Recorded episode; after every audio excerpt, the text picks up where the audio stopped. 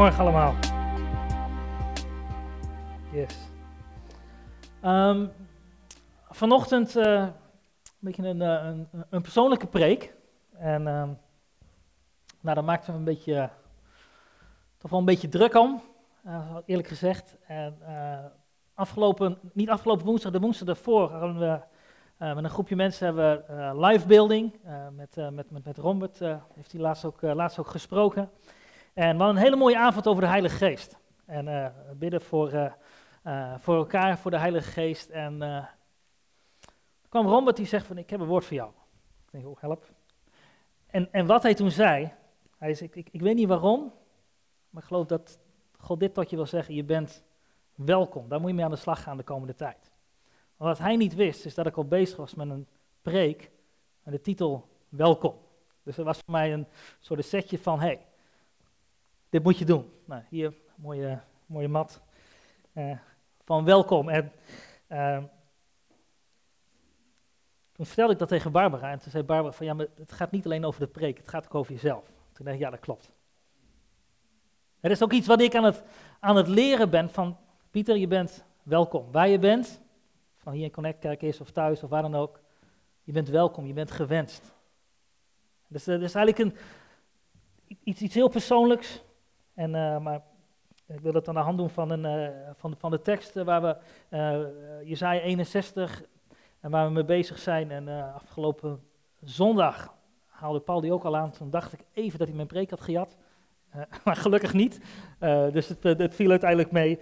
Ehm, maar het gaat eigenlijk ook over, een, over, een, mijn eigen reis eigenlijk met, met God. Die ik in, in mijn leven gemaakt ben opgegroeid in een, in, in een gezin met vrijgemaakt met een hele duidelijke theologie. Van dit geloof, van A tot Z, alles staat vast. En ik had voor mezelf op een gegeven moment had ik het idee van, ik snap het helemaal. Ik weet hoe het evangelie werkt, ik weet hoe de Bijbel werkt. En op een goede avond, ik, ik kwam bij een uh, bijbelstudie bij een evangeliegemeente, uh, evangeliegemeente de deur en daar werd ik geconfronteerd. Van, hé, hey, maar je gelooft allemaal wel, maar, maar hoe leef je nou? En klopt dat dan wel met wat je gelooft? En het was net alsof die avond, alsof ik in mijn, mijn geloof een ballon was en dat iemand zo prik, boom. En dat was mijn theologie. En door de jaren heen ben ik nou ja, uiteindelijk uh, geleerd over, over bekering, over doop, over de Heilige Geest. Uh, uh, mensen het evangelie verteld. Uiteindelijk zelfs in India geweest om daar het evangelie te brengen. En op een gegeven moment liep ik daar ook vast. En op een gegeven moment was het net alsof het weer die, een, mijn geloof, ik had weer het idee van ik, ik snap het allemaal weer. Heel mijn evangelie, het is allemaal duidelijk, ik snap precies hoe het werkt. Dus op een gegeven moment weer, pats. Maar wat geloof ik nou? Waarom geloof ik nou? En, en eigenlijk die confrontatie, en eigenlijk een hernieuwde confrontatie en, uh, met eigenlijk met wie is God, wie is Jezus? En, en, en hoe werkt het nou? En uh, ik begon verschillende boeken te lezen. En uh, onder andere over een, over God die is als Jezus. En ik begon op een andere manier naar, naar God te kijken. En naar, naar, naar Jezus te kijken, naar het evangelie te kijken. En ik wil je eigenlijk meenemen op die reis. En een aantal dingen die God me in de laatste paar jaar aan het leren is. En ik, ik wil niet zeggen dat ik nu mijn ballonnetje weer helemaal vol heb, dat ik precies weet hoe het allemaal zit. Daar geloof ik niet meer zo in. Maar ik geloof wel dat God mij dingen aan het leren is.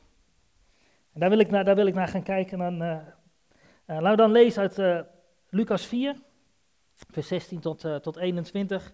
Uh, eh, zoals ik zei, Paul had hem vorige week ook al uh, gelezen, maar ik ga hem in een andere vertaling lezen. En ik wil hem daar wel aan ophangen, zeg maar. Lucas 4, vers 16 tot 21.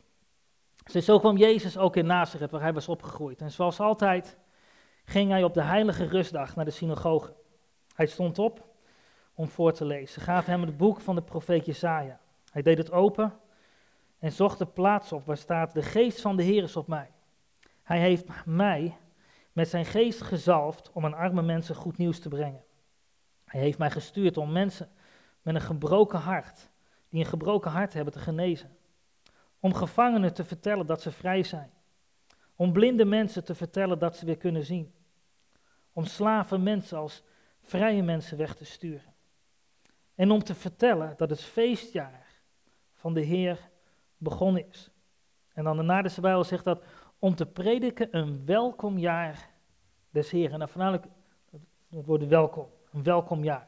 Hij zei, daarna deed hij het boek dicht, gaf het aan de dienaar terug en ging zitten. En iedereen keek aandachtig naar Jezus. En hij begon, nu zijn deze woorden uit de boeken werkelijkheid geworden. Nou, dit is Jezus. Hij is net uit de, uh, uit de woestijn gekomen waar hij door de, door de, door de duivel is, uh, uh, is verzocht. En eigenlijk in zijn eerste weken van zijn, van, van, van, zijn bediening komt hij in zijn, zijn woonplaats, of daar waar hij is opgegroeid in Nazareth komt hij daar te preken. En eigenlijk, en, en eigenlijk Jezus is net begonnen. Hij legt als het ware een soort fundament onder zijn bediening. Van dit is wat ik kon brengen. En als je dit, dit stuk dan ook leest, dan, dan opent hij die boekrol en dan vindt hij de plaats waar daar geschreven staat. En hij zegt, de geest van de Heer is op mij, want hij heeft mij gezalfd. En gezalfd, dat is een, dat is een, een, een, bijzonder woord voor, voor, voor de Joden in die tijd. Eigenlijk, letterlijk staat er, hij is gemessiast. De Messias, de gezalfde. En terwijl hij dan zegt van, en iedereen is dan heel instemmend, van ja, dat kennen we, dus een, een bekend uh, bijbeltekst, uh, hè, het gaat over de Messias die komt. En uiteindelijk zegt hij, ja, maar deze woorden zijn nu in vervulling gegaan. En het, lijkt wel alsof in dit verhaal dat kwartje langzaam begint te vallen bij de mensen die dat, die dat lezen. Hey, zegt hij nou echt dat, dat hij de Messias is? Of, of, dus er is een bepaalde spanning in, in, in de synagoge van wat, wat, wat zegt Jezus nou? Kijk, maar zalf was ook iets dat, dat gebeurde met een doel. Kijk, koningen werden gezalfd, profeten werden gezalfd. Ik bedoel, normale mensen werden eigenlijk nooit gezalfd. Eigenlijk als je gezalfd was, dan was je bijzonder. En Jezus spreekt ook over waarom was hij gezalfd? Kijk, om arme mensen goed nieuws te brengen. Om mensen met een gebroken hart te genezen.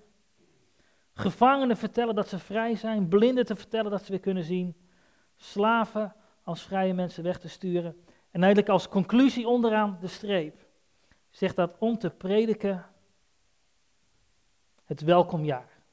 Om te prediken, en andere, andere vertalingen noemen dat, in het Engels zegt ze dan mooi, the acceptable year of the Lord. Datgene wat voor God acceptabel is. En dat is eigenlijk, uh, en, en, en uh, anderen spreken over het jaar van welbehagen, de, de, MBV, uh, Paul had het erover, die zegt het genadejaar. En eigenlijk dat woord, en, en, en de Naderse heeft ervoor gekozen om dat heel erg letterlijk te vertalen. Ook al klinkt het misschien een beetje jaar een welkomjaar. Maar eigenlijk dat is wel wat het woord betekent. Welkom betekent dat je ergens gewild bent. Dat als je binnenkomt, dat ze het fijn vinden dat je komt. En dat is eigenlijk wat, wat God zegt over, over dit jaar. En ik geloof, het gaat niet alleen over een jaar. Hij zegt, er komt nu een tijd aan, dat is eigenlijk wat Jezus zegt, er is een tijd aan. Dat je mag weten dat je welkom bent. Dat als jij bij God komt, dat God zegt, je bent welkom. Welkom, welkom geaccepteerd betekent ook geen afwijzing meer. Betekent, je hoort erbij, je mag, je mag komen. Er zijn geen drempels meer om even voorheen te komen. In de 2 Korinthe 2 wordt het nog een keer herhaald en dan zegt, uh, zegt Paulus, zegt dan, uh, zegt in die tijd van het welbehagen, is hetzelfde woord weer, de tijd van uh, in het Grieks was het het woord dektos. In die tijd van het welbehagen heb ik u verhoord. En op de dag van het heil heb ik u geholpen. Zie, nu is de tijd van het welbehagen. Nu is de dag van het heil. Zien we dezelfde term. Hij zei, het is een tijd, een tijd van welkom, is ook een tijd van redding. Een tijd waarin God dingen gaat herstellen. Terwijl het heeft over redding, dan, dan is het veel meer dan alleen, dit is de tijd dat we naar de hemel mogen gaan. Het is de tijd waarin God zegt, ik wil dingen gaan herstellen. Of nou je lichaam is. Hè, het spreekt over blinden die weer gaan zien. Het spreekt ook over het herstel van, van, van, van een relatie met God. Het herstel van je ziel. Het herstel van, van alles wat kapot is. Wat heel gemaakt wordt. En eigenlijk de, de ironie, het wonderlijke van deze teksten. Als we dit, dit verhaal uit Lucas 4 verder gaan lezen, dan, dan zul je uiteindelijk zien dat Jezus aan, onderaan de streep, aan het einde van die meeting. Dat Jezus zegt, ja maar een profeet is helemaal niet welkom in zijn eigen woonplaats. En dan gebruikt Jezus hetzelfde woord, een soort woordspeling. Hij zegt dan, het is een welkomstjaar, maar ik ben niet welkom. Dat is wat we ook zagen met, uh, met kerst. Jezus werd geboren, maar er was geen plaats in de herberg. Moesten de, tijdens het, de, de, de zangdienst denken aan dat lied van Nu zijt welkom, Jezus, lieve Heer. Ik weet niet wie er zo welkom was, maar die Jezus, lieve Heer, was, was niet zo welkom. Er was geen plek voor hem. En als het ware, God draait altijd dingen om. Dat vind ik zo mooi aan het evangelie. God draait dingen om en zegt, misschien ben ik niet welkom. Maar jullie zijn wel welkom.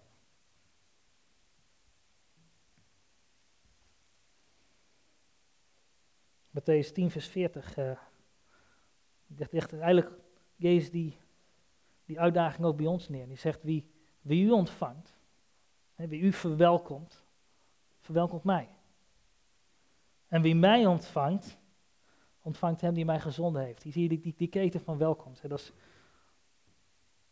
welkom is veel meer dan alleen maar uh, je hartje open en, en, en Jezus erin.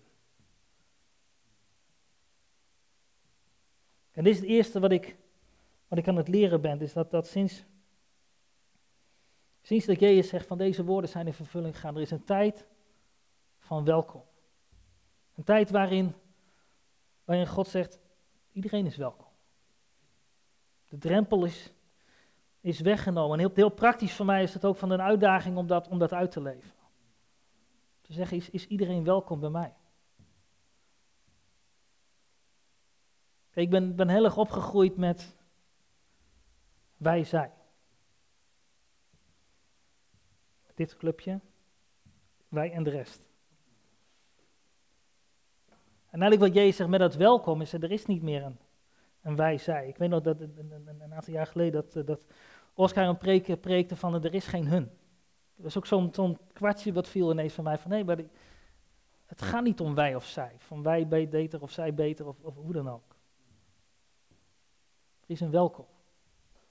Dat is ook de uitdaging, zeg maar, heel praktisch in mijn eigen leven om dat uit te, uit te leven. Om, om iedereen welkom te heten, om open te zijn, om gastvrij te zijn. Op mensen die je misschien niet zo liggen. Misschien een beetje in irrita irritatiezone liggen. Zeg maar nee, maar doe ik de deur open voor die mensen? Niet alleen letterlijk een deur open, maar open ik mijn hart ook voor iedereen?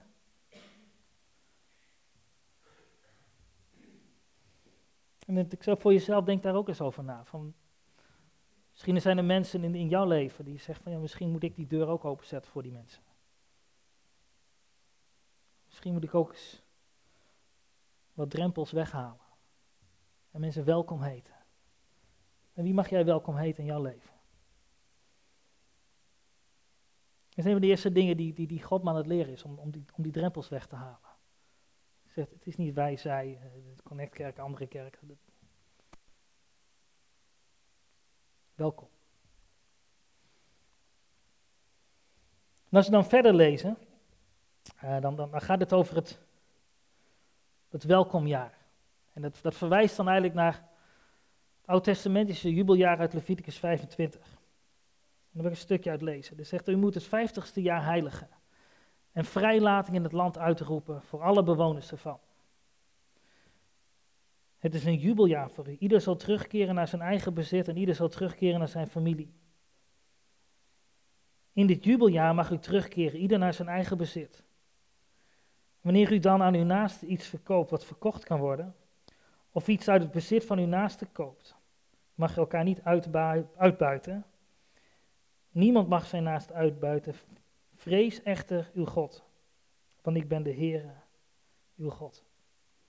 Eens in de 50 jaar, dat, dat, hoofdstuk verder wordt precies uitgediept hoe dat dan uh, precies allemaal moet werken. Maar eens in de 50 jaar, hè, eens in de 7 jaar hadden ze een, een, een, een verzoenjaar, een sabbatsjaar. Dan moest het land moest, moest rusten. En dan eens in de zeven sabbatsjaren, en in het vijftigste jaar, was het dan een jubeljaar. Dat is eigenlijk een heel radicaal iets. Dat betekent dat als jij schulden had gemaakt, dat je schuld, dus je schuld werd gecanceld. Dat betekende als jij je land had moeten verkopen, of je had misschien soms jezelf zelf moeten geven als je was je, je, land kwijt, je, kon niet meer voor jezelf zorgen, dan ging je zelf als dagloner of, als slaaf ging je jezelf dan verkopen. En dan kon iemand gebruik maken van jouw diensten en dan was je niet meer je eigen, je eigen baas als het ware. En na 50 jaar was je weer vrij. En het is zo, eigenlijk heel, heel radicaal. Want na 50 jaar is alles weer terug zoals het was. En, dan kun je denken, dat was mooi voor degene die dan die schuld had. Maar ja, wie voor degene die, die, die, die, die dus, hè, die, die zich, de ander een, een, een schuld had bij een ander. Hoe zit dat? Uh, de een heeft een schuld, de andere schuldenaar, schuldeiser, de schuldeiser. Hè, dan, dan was je rijk en ineens, na 50 jaar, was je weer net zoals iedereen. Had je wat opgebouwd. En deze is zo radicaal dat eigenlijk en ik heb, ik er dingen over, opgezocht. Het is eigenlijk niet eens zeker of ze dit ooit echt zo gedaan hebben. Zo, zo revolutionair was dit idee. En het werd dan een beetje vergeestelijk van die, die tijd gaat ooit komen. Een soort visioen van hoe het idealiter zou moeten zijn. Maar laten we dat maar niet doen, want het, is, heeft veel te veel impact. Zo, zo, zo radicaal. Maar wel, eigenlijk alle gebrokenheid, elke, elke uh, wanverhouding, alles werd weer hersteld. En iedereen krijgt een, een genadige kans om, om als het ware een nieuwe start te maken.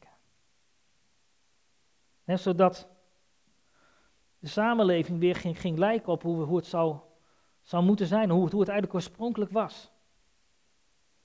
En als je met die ogen, met, met dit in je, achter, in je achterhoofd gaat lezen naar wat, wat Jezus bedoelt met, met, met arme mensen goed nieuws brengen. Ja, voor arme mensen is dat goed nieuws. Je krijgt alles weer terug. Mensen met een gebroken hart te genezen. Mensen die gevangen zijn, vertellen dat ze vrij zijn. Blinden te vertellen dat ze weer kunnen zien. Slaven als vrije mensen weg te sturen. Kijk, wanneer Jezus spreekt over het evangelie, dan voor ons is het heel vaak ja, iets, iets heel persoonlijk tussen mij en God. Maar het evangelie gaat, gaat eigenlijk veel verder. En dat is iets wat, wat God mij aan het, aan het leren is geweest. En, en dat zien we ook hoe, de, hoe die eerste kerk dat radicaal in de praktijk brengt, in, in, in Handelingen 24. Het zegt er, de menigte van, van hen die geloofden was één van hart en ziel. En er was niemand die zei dat iets van wat hij bezat van hemzelf was. Maar ze hadden alles gemeenschappelijk. Er was ook niemand onder hen die gebrek leed. Want allen die landerijen of huizen bezaten verkochten en brachten de opbrengst van het verkocht en legde die aan de voeten van de die apostelen. En aan een ieder werd uitgedeeld naar wat men nodig had. Ze begonnen gewoon in de praktijk uit te, uit te leven, eigenlijk dat hart van Jezus, om te geven. En dat is eigenlijk het tweede wat, wat God mij aan het leren is uh, de komende tijd, is dat Jezus is voor veel meer gekomen dan alleen maar te sterven voor onze zonden, zodat we naar de hemel gaan. God wil het, het, oorspronkelijke plan wat hij had. En dan kunnen we zelfs helemaal teruggaan naar het paradijs. Het oorspronkelijke plan. Zeg God, dat wil ik herstellen. Dus dit, dit, is het jaar van welkom. Dat het oorspronkelijke plan, datgene wat God had, hij had al, van de begin. God, ik zei, ik wil dat herstellen. En heel praktisch, als ik daarover over nadenk, voor, voor mezelf heel praktisch, voor mij omdat om dat uit te leven is dat niet alleen maar heel vroom en geestelijk in mijn eigen christelijke bubbel te leven, maar, maar veel meer betrokken te zijn in, in, in, in deze wereld. Veel meer betrokken te zijn bij de mensen om me heen. Om deel te zijn van nou, dat wat Jezus zegt, een, een, een herstel van, van eerlijkheid, een herstel van recht.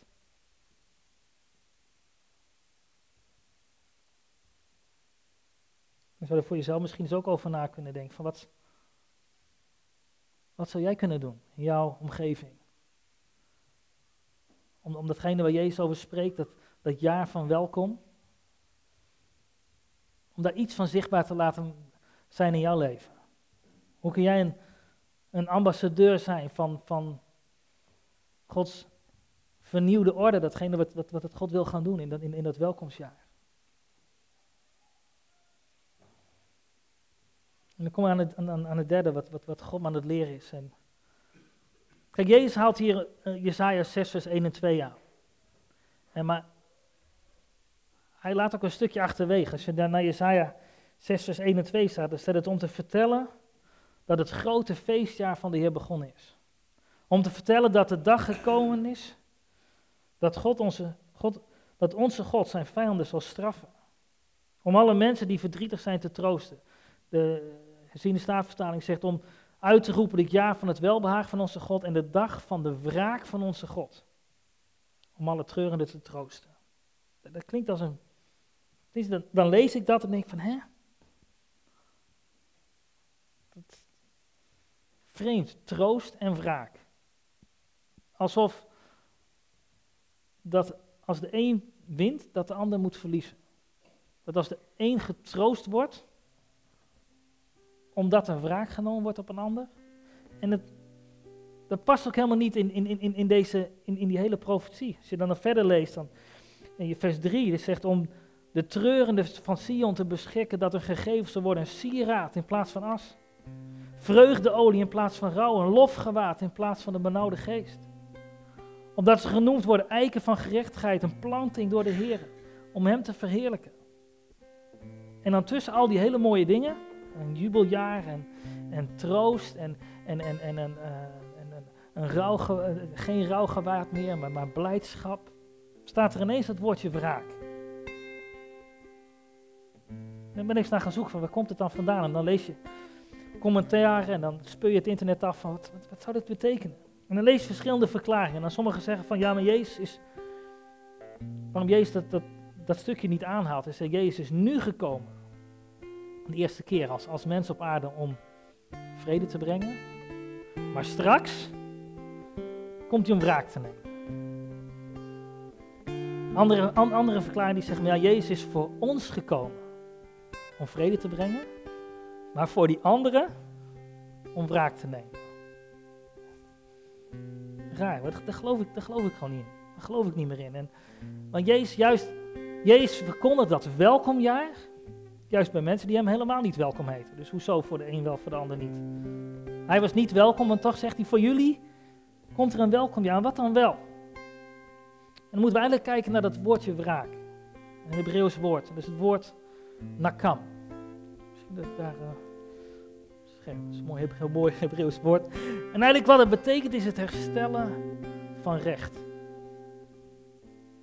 Kijk, wraak klinkt meestal heel negatief. Negatief in onze oren. En, en de baasbouw, die zegt het ook om de vijanden te straffen. Nou, het woord vijand staat er niet eens. Het gaat ook helemaal niet om, om straf, het gaat om wraak.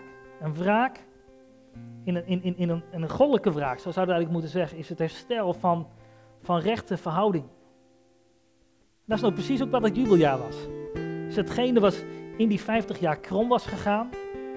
Mensen die hè, misschien nog niet eens door eigen schuld, maar hè, dingen hadden zijn land hadden moeten verkopen, zichzelf misschien als slaaf hadden moeten geven. Dan na 50 jaar werd dat weer teruggedraaid.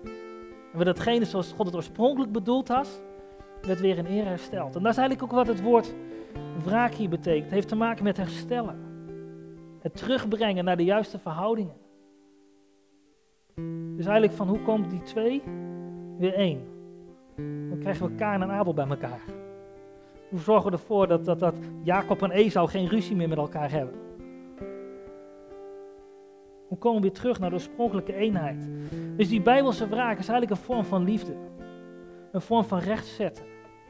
Dat verhoudingen die scheef zijn, weer worden hersteld. Dus eigenlijk goddelijke wraak is heel anders dan wat, wat, in sommige culturen hebben ze de bloedwraak. Bloedwraak betekent oog omhoog, tand op tand. Oog eruit, tand eruit, weet je? Dat betalen met gelijke munt. Maar hetgene wat Jezus zegt, Jezus zegt overwin het kwade door het goede.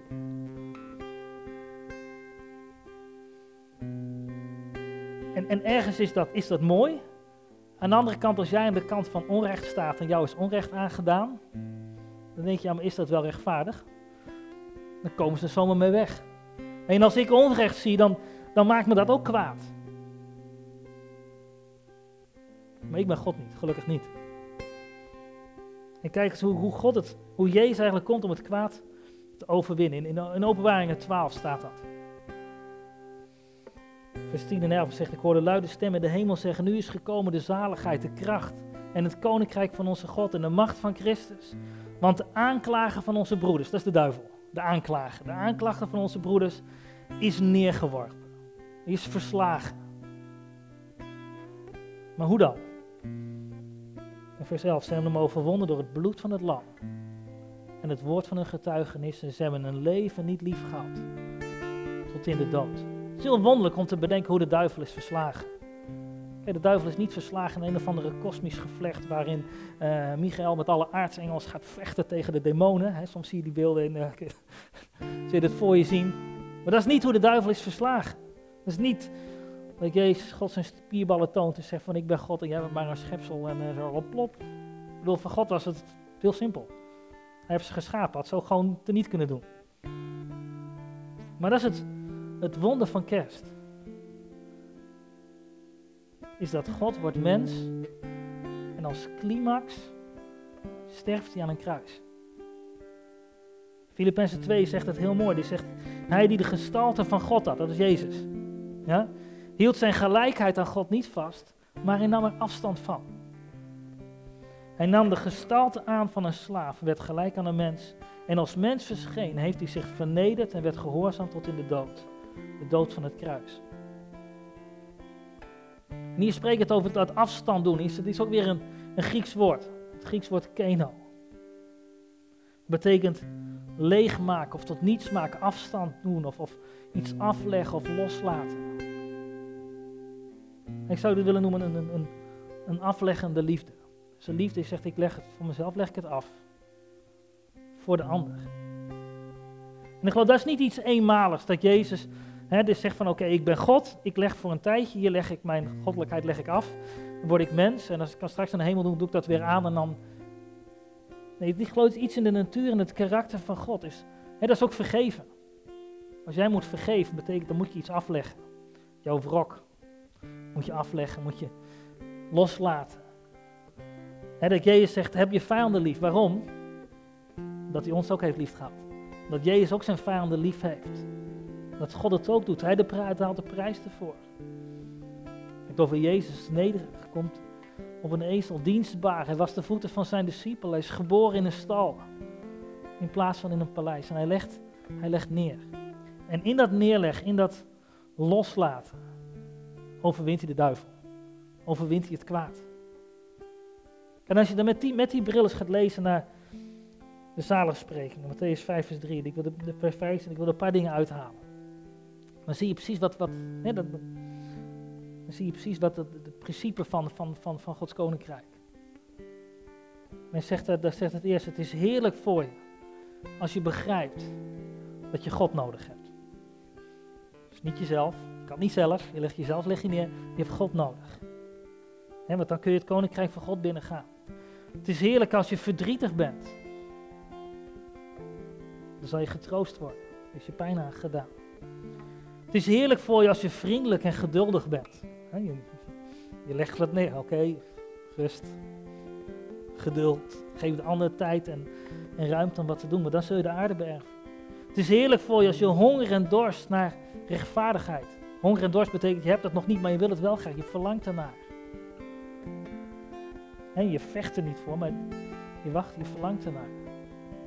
En dan, dan zal je honger gestild worden. Het is heerlijk voor je als je goed en vriendelijk bent voor andere mensen. Dan zal God ook goed en vriendelijk voor jou zijn. Het is heerlijk voor je als je leeft zoals God het wil. niet altijd zoals je het zelf wil, maar zoals God het wil. Je legt weer iets af. Het is heerlijk voor je als je vrede probeert te maken en te bewaren. Dan zul je een kind van God genoemd worden. Het is heerlijk voor, de, voor je als je vervolgd wordt, omdat je leeft zoals God het wil. Ja, dan zul je het koninkrijk van God binnengaan. Het is heerlijk voor je als mensen je uitschelden, je belachelijk maken en vervolgens allerlei leugens over je vertellen, omdat je in mij gelooft. Kijk, dat is dat afleggende liefde in de praktijk. En ik geloof, dit is niet alleen een discipel die een, een, een opdracht die Jezus gaf aan zijn discipelen geloof dat is ook iets was van, zichzelf.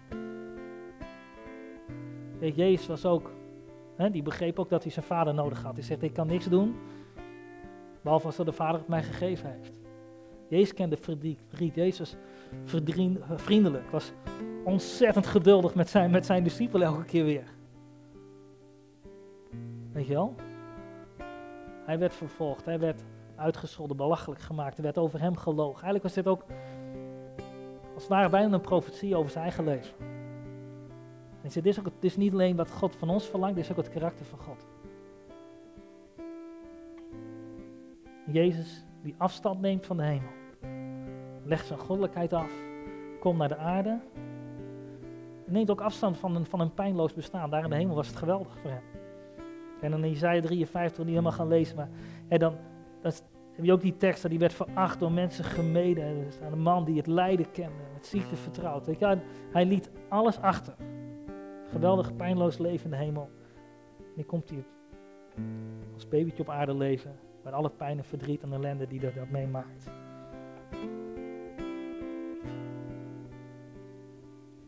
Tot aan de dood aan toe. Dus soms zeggen mensen wel, ja, maar al die ellende in de wereld, waarom dan? En ik weet, weet ook niet allemaal, maar ik weet wel dat Jezus door diezelfde ellende is heen gegaan. Ik denk, er is geen pijn en ellende die, die Jezus ook niet kent. En hij legt dat neer. En door dat neerleggen, overwon hij de duivel. Overwon hij het kwaad. God gaat er doorheen en daarom overwint hij het. dat, is, dat is wraak. Dat was zoals de, de ding aan, aan, aan Jozef. Jozef werd door zijn, zijn broers, zijn laatste volgens, door zijn broers verkocht als slaaf. En hij moest naar Egypte. En dan uiteindelijk na jaren, hè, hij heeft in de gevangenis gezeten, van alles meegemaakt. En dan na jaren is hij uiteindelijk is hij onderkoning van Egypte en dan komt hij weer oog in oog te staan met zijn broers. Het was zijn kans om wraak te nemen. En, en eerlijk gezegd, hij, maar, hij liet hem wel een beetje zweten, als je het verhaal een beetje leest. Maar uiteindelijk, hij zorgt wel voor ze. En hij zegt uiteindelijk, God heeft dat beschikt. Hij kijkt bij alle pijn en ellende die hij meegemaakt heeft, legde dat als het ware neer en hij zegt, ja maar God had een plan. En ik geloof dat is wraak. Het recht zetten, voorbij gaan aan alle, aan alle pijn en ellende en zeggen, ik betaal de prijs. Dat is het derde, wat, God me aan het leren is. Dat, ik geloof heel stellig dat God uiteindelijk alles zal herstellen. Dat God een plan heeft en, het, en dingen zal herstellen. En God is geen God van menselijke wraak, maar van goddelijke wraak. Een God van liefde. Die zijn leven neerlegt. dat is voor mij ook een hele praktische uitdaging. Een uitdaging om dit ook uit te leven in mijn leven. Om altijd te vergeven. Wat er ook gebeurt. Wat, je misschien, wat me misschien ook is aangedaan. Dat zeg altijd te vergeven en altijd mezelf neer te leggen. En dan ervoor te kiezen om zelf de pijn te ondergaan. Zodat er uiteindelijk herstel komt. Ik zie dat in opvoeding met mijn kinderen. En dat ik zeg, geduld. Vergeef. Ga door. Kies de minste weg. En uiteindelijk is daar de overwinning. Misschien voor jezelf ook. Denk, dus misschien zijn er mensen die, heel praktisch voor jezelf, van, misschien zijn er mensen die jij moet vergeven. Jij zegt, misschien zijn er dingen die jij moet gaan neerleggen. God dat van je vraagt, zeg in liefde, leg het neer, leg het af. Zoals Jezus zijn goddelijkheid aflegde, wat, wat, wat kan jij afleggen? Zodat de dingen hersteld worden in jouw leven.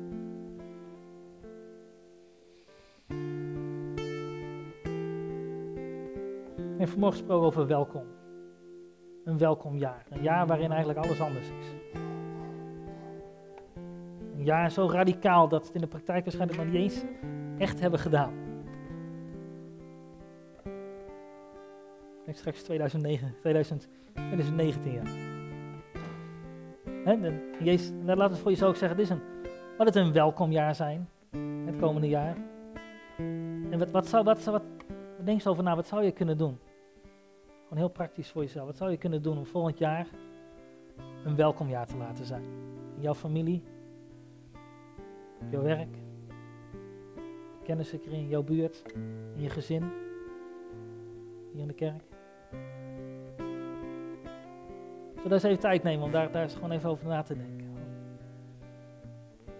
Wat zou je kunnen doen om, om volgend jaar een welkomstjaar te laten zijn? Zullen we er even tijd voor nemen? Voor te bidden?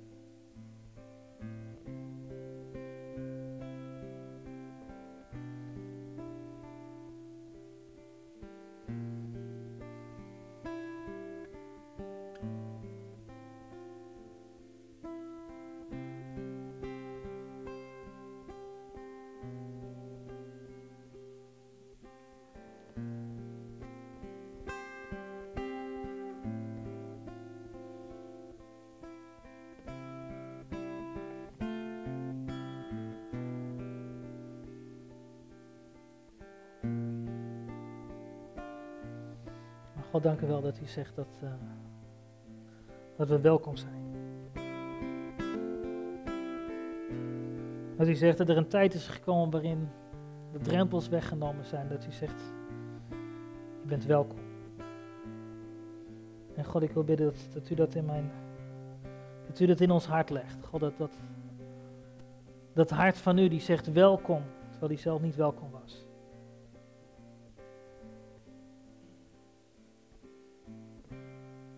we doen ons helpen om dat, uh, om dat uit te leven.